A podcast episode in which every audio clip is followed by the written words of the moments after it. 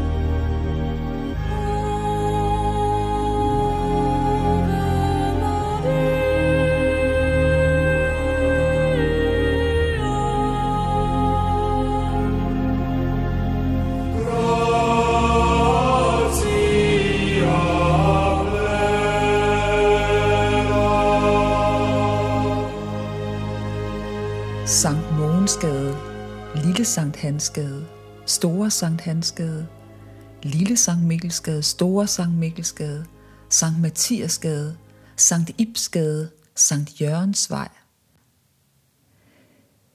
Det er navnene på nogle af de gader, som jeg gik rundt i øh, i Viborg, da jeg var barn. Da jeg voksede op her i Viborg, så vidste jeg ikke, hvad en helgen var for noget, eller hvem personerne bag de her gadenavne var. Det var bare gadenavne som alle andre gadenavne. Men øh, i dag, så har jeg jo fået et levende forhold til de her personer bag de her gadenavne. Især til Sankt Mikkel. Sankt Mikkel er også kendt som Mikael, ærkeenglen Mikael. Han er en af de fire store ærkeengle. De andre, det er Rafael, Gabriel og Lucifer – som jo gjorde oprør mod Gud og erklærede krig imod ham. Vi kender ham også som Satan eller djævlen. Og Michael, han er Lucifers modstykke. Han er de himmelske herskars fyrste. Det vil sige, at han er overhovedet for Guds hær, som slås imod den oprørske engel Satan og de engle, som han tog med sig i faldet, som også kaldes for dæmoner. Men Michael, han hjælper os mennesker her på jorden i kampen mod ondskab, og han beskytter dem. Der findes en særlig katolsk bøn til ærkeenglen Michael, som pave Leo den 13. formuleret, hvor man kan bede om Michaels beskyttelse og hans forbøn. Og det er en bøn, som millioner af katolikker beder hver evig eneste dag. Den er meget kendt. Og øh, jeg beder den også. Jeg har tit haft brug for, for Michaels beskyttelse. Og at jeg en dag skulle komme til at, at bede Sankt Mikkel, Michael, om hans forbøn for mig, det havde jeg godt nok ikke forestillet mig, da jeg gik rundt her i Viborg som barn. Der var intet i min opvækst, som påvirkede mig i katolsk retning. Der var ingen i min familie, der var katolikker.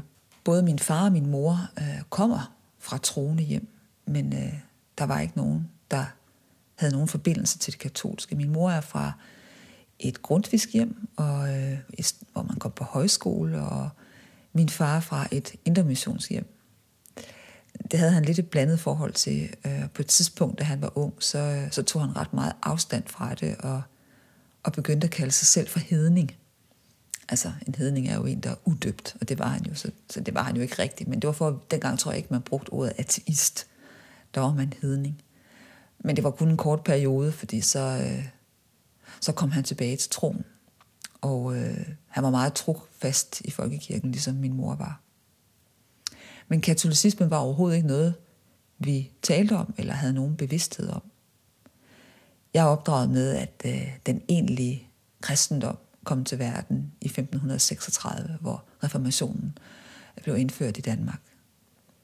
Og alt, hvad der lå før det, det var ikke noget, man sådan egentlig behøvede at beskæftige sig med. Og måske var det faktisk også lidt en fejl. Mit forhold til katolicismen begrænsede sig nok til Kai Ingemars kone. Kai Ingemar, han var kiropraktor i Viborg. Han var den eneste kiropraktor i Viborg dengang, og øh, han var en af mine forældres venner. Og øh, hans ekskone konverterede til katolicismen. Og jeg kan huske, at, øh, at de voksne snakkede om det, og mine forældre sagde, ja, Kajs kone konverterede jo til katolicismen, og det fik hun fred med.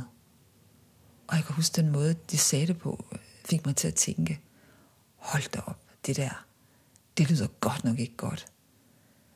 Og øh, jeg synes, det lød mærkeligt, fremmedartet, og faktisk som om hun ikke rigtig var kristen længere. Så jeg havde lidt ondt af det for hende.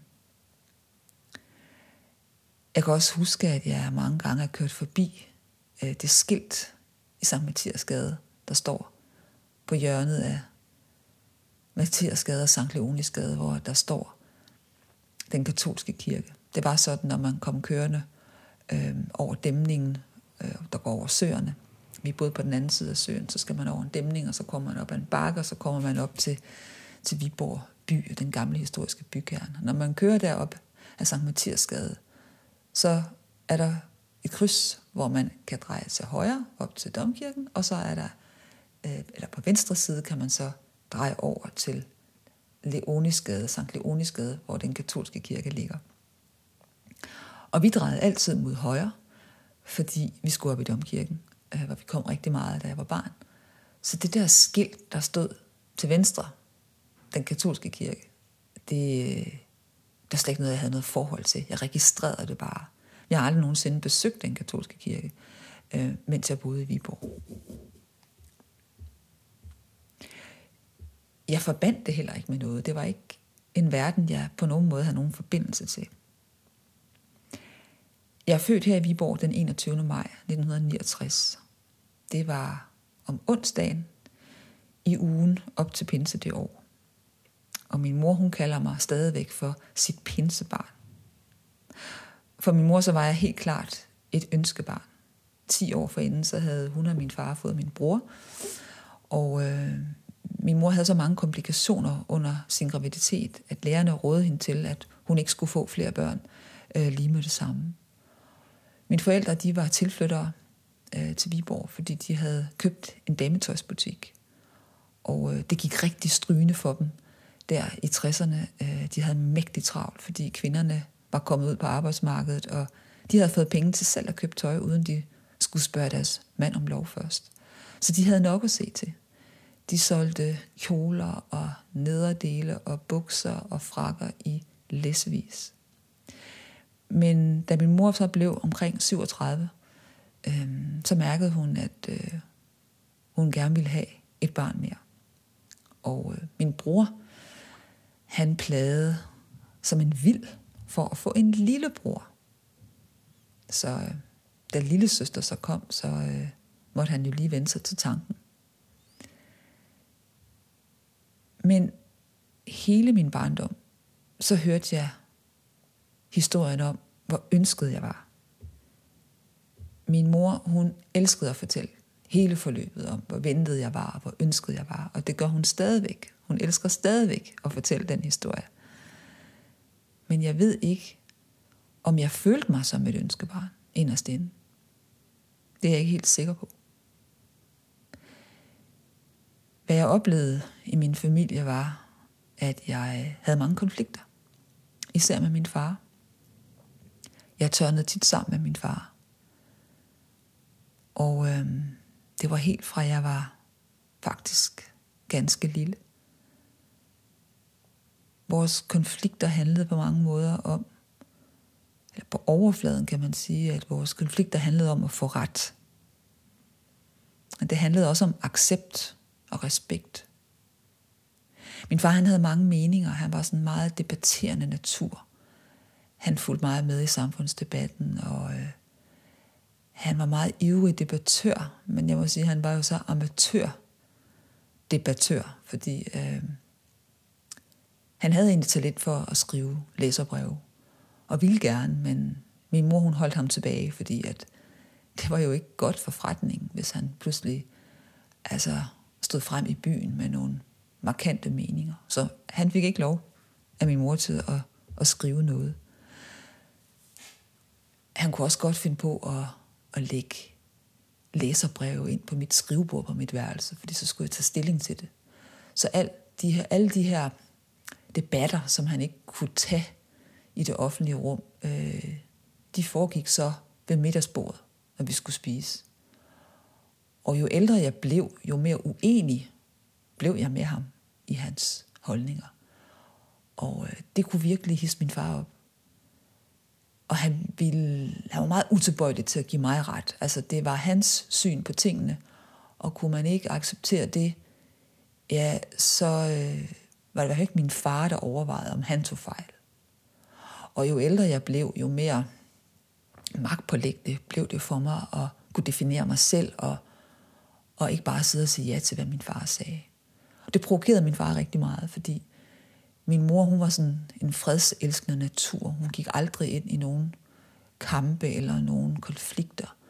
Og min bror, han, øh, han er en anden natur, så han, øh, han sagde bare ja, ja. Og så øh, gjorde han, hvad han selv ville. Men jeg tog kampen op. Og øh, det, øh, det tror jeg nok, min far, han, øh, han så som et problem på en måde. Og, øh, men før vi ligesom havde de der diskussioner, hvor det så handlede om, hvem der havde ret, og det selvfølgelig altid for mig endte, endte i en følelse af, at, at han ikke rigtig respekterede mig. Det har man jo meget brug for, når man vokser op af ens forældre, selvom de er uenige øh, med, hvad man, hvad man siger og gør, så der er en eller anden form for accept og støtte. Og det følte jeg aldrig, der var.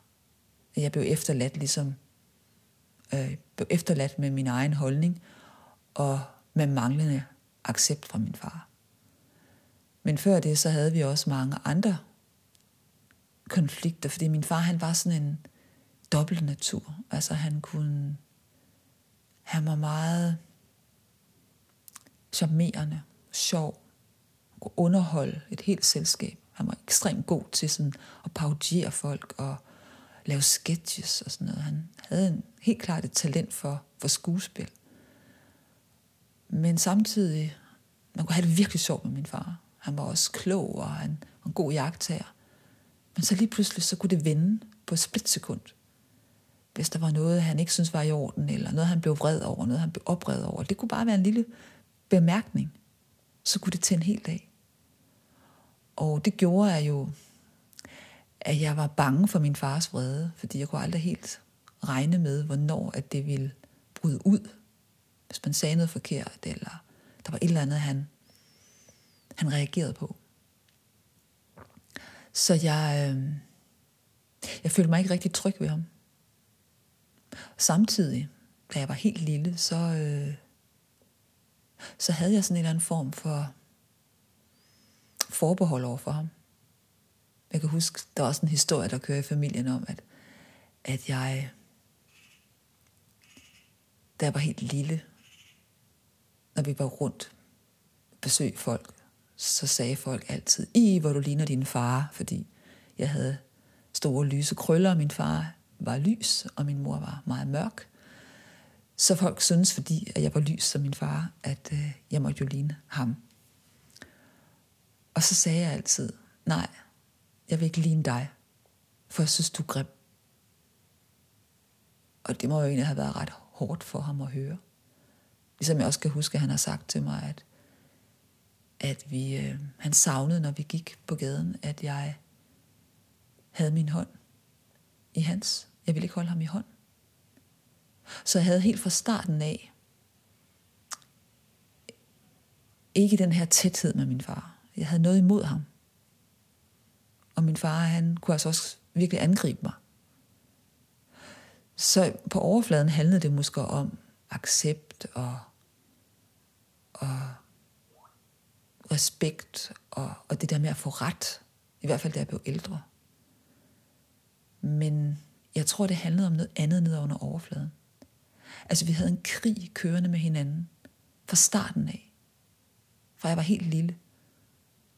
Så det var ikke bare noget med, at vi var uenige politisk eller om nogle samfundsforhold. Der var noget andet nedenunder, som er uforklarligt. Der ligesom der var et fjendskab imellem os, en afstand.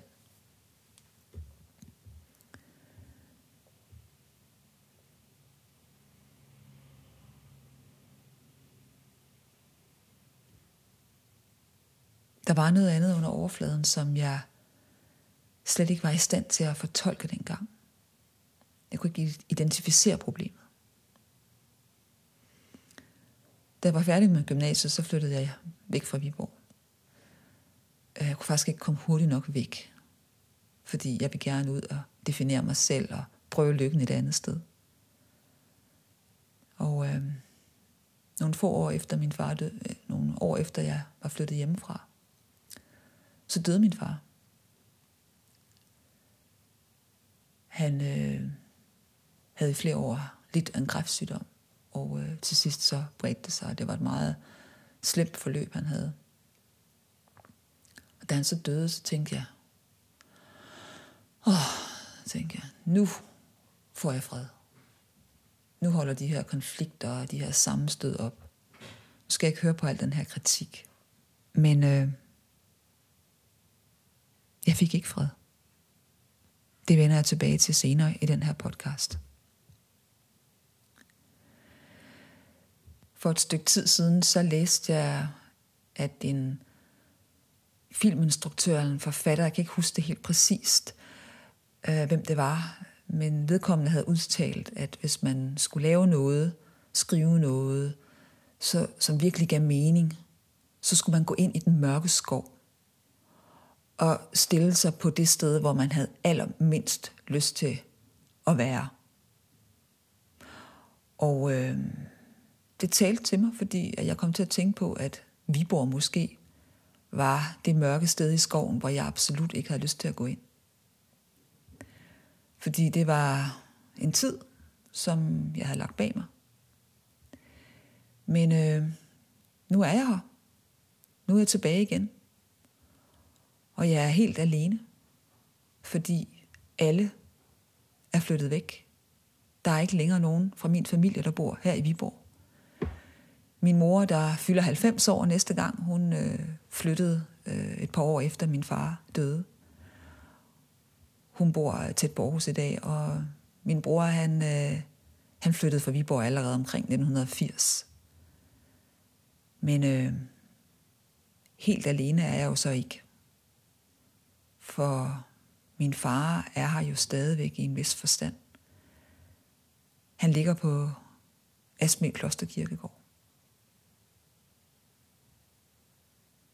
Men når jeg tør gå ind på det mørke sted i skoven, som Viborg jo i en vis forstand er for mig, så er det fordi, jeg tager min katolske tro med mig. Øh, jeg har en overbevisning om, at hvis jeg kan se min barndomsby med mine katolske øjne, så vil der måske være noget, der forandrer sig i mit syn på, hvem jeg er og hvor jeg kommer fra. Fordi hvis jeg kan finde min åndelige rødder her i byen, så øh, kan jeg også finde en anden historie om mig og min opvækst, og hvem jeg egentlig er. Øh, så jeg kunne virkelig godt tænke mig at prøve at tage tilbage til det katolske Viborg og prøve at opleve det med mine trosøjne. Og tænke på, at øh, den historie, som der er i Viborg, har jo også været her, mens jeg voksede op. Dengang kunne jeg bare ikke se den. Jeg kendte ikke noget til den. Men det gør jeg nu. Og øhm, hvilken kontekst kan jeg så se mig selv i, hvis jeg kommer nu og, og oplever det øh, med nogle andre øjne? For siden jeg er blevet katolik, øh, så har jeg tænkt flere gange over det der med gadenavnene i Viborg. Jeg synes, det var pudsigt, at jeg er vokset op i en by med så mange gader, der har et helgennavn. Så jeg, jeg er kommet for at komme i kontakt med mine åndelige rødder. Og øh, jeg er selvfølgelig også kommet for at se Viborg i en bredere forstand, øh, for det gælder jo også hele Danmarks historie. Hvad var Danmark egentlig for et land, dengang at vi danskere var katolikker? Det synes jeg kunne være rigtig spændende at finde ud af. Nu var jeg selv blevet katolik. Så de næste par dage, så skal jeg møde nogle mennesker her i byen, der kan lede mig, der kan lede mig på sporet af det katolske Viborg, og den tro, som har fyldt her på stedet. Og den første, jeg skal mødes med, det er Lars Aersnap fra Viborg Museum. Han er middelalderarkeolog, og øh, vi skal tale om øh, de her gadenavne, og øh, hvorfor at gaderne kom til at hedde det, de gør, hvorfor de fik navn efter en helgen. Øh, og lidt om, øh, vi skal også tale om mange af de kirker, der har været her i Viborg, som ikke længere er her. Så derfor så vil jeg gå ned i Sankt Mogensgade, der var den store hovedgade i Viborg i katolsk tid, hvor vi har aftalt at mødes.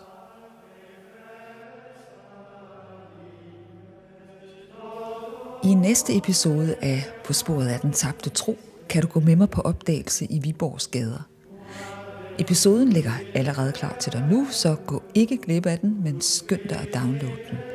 Tak for, at du lyttede med og på genhør. Jeg hedder Iben Tranholm.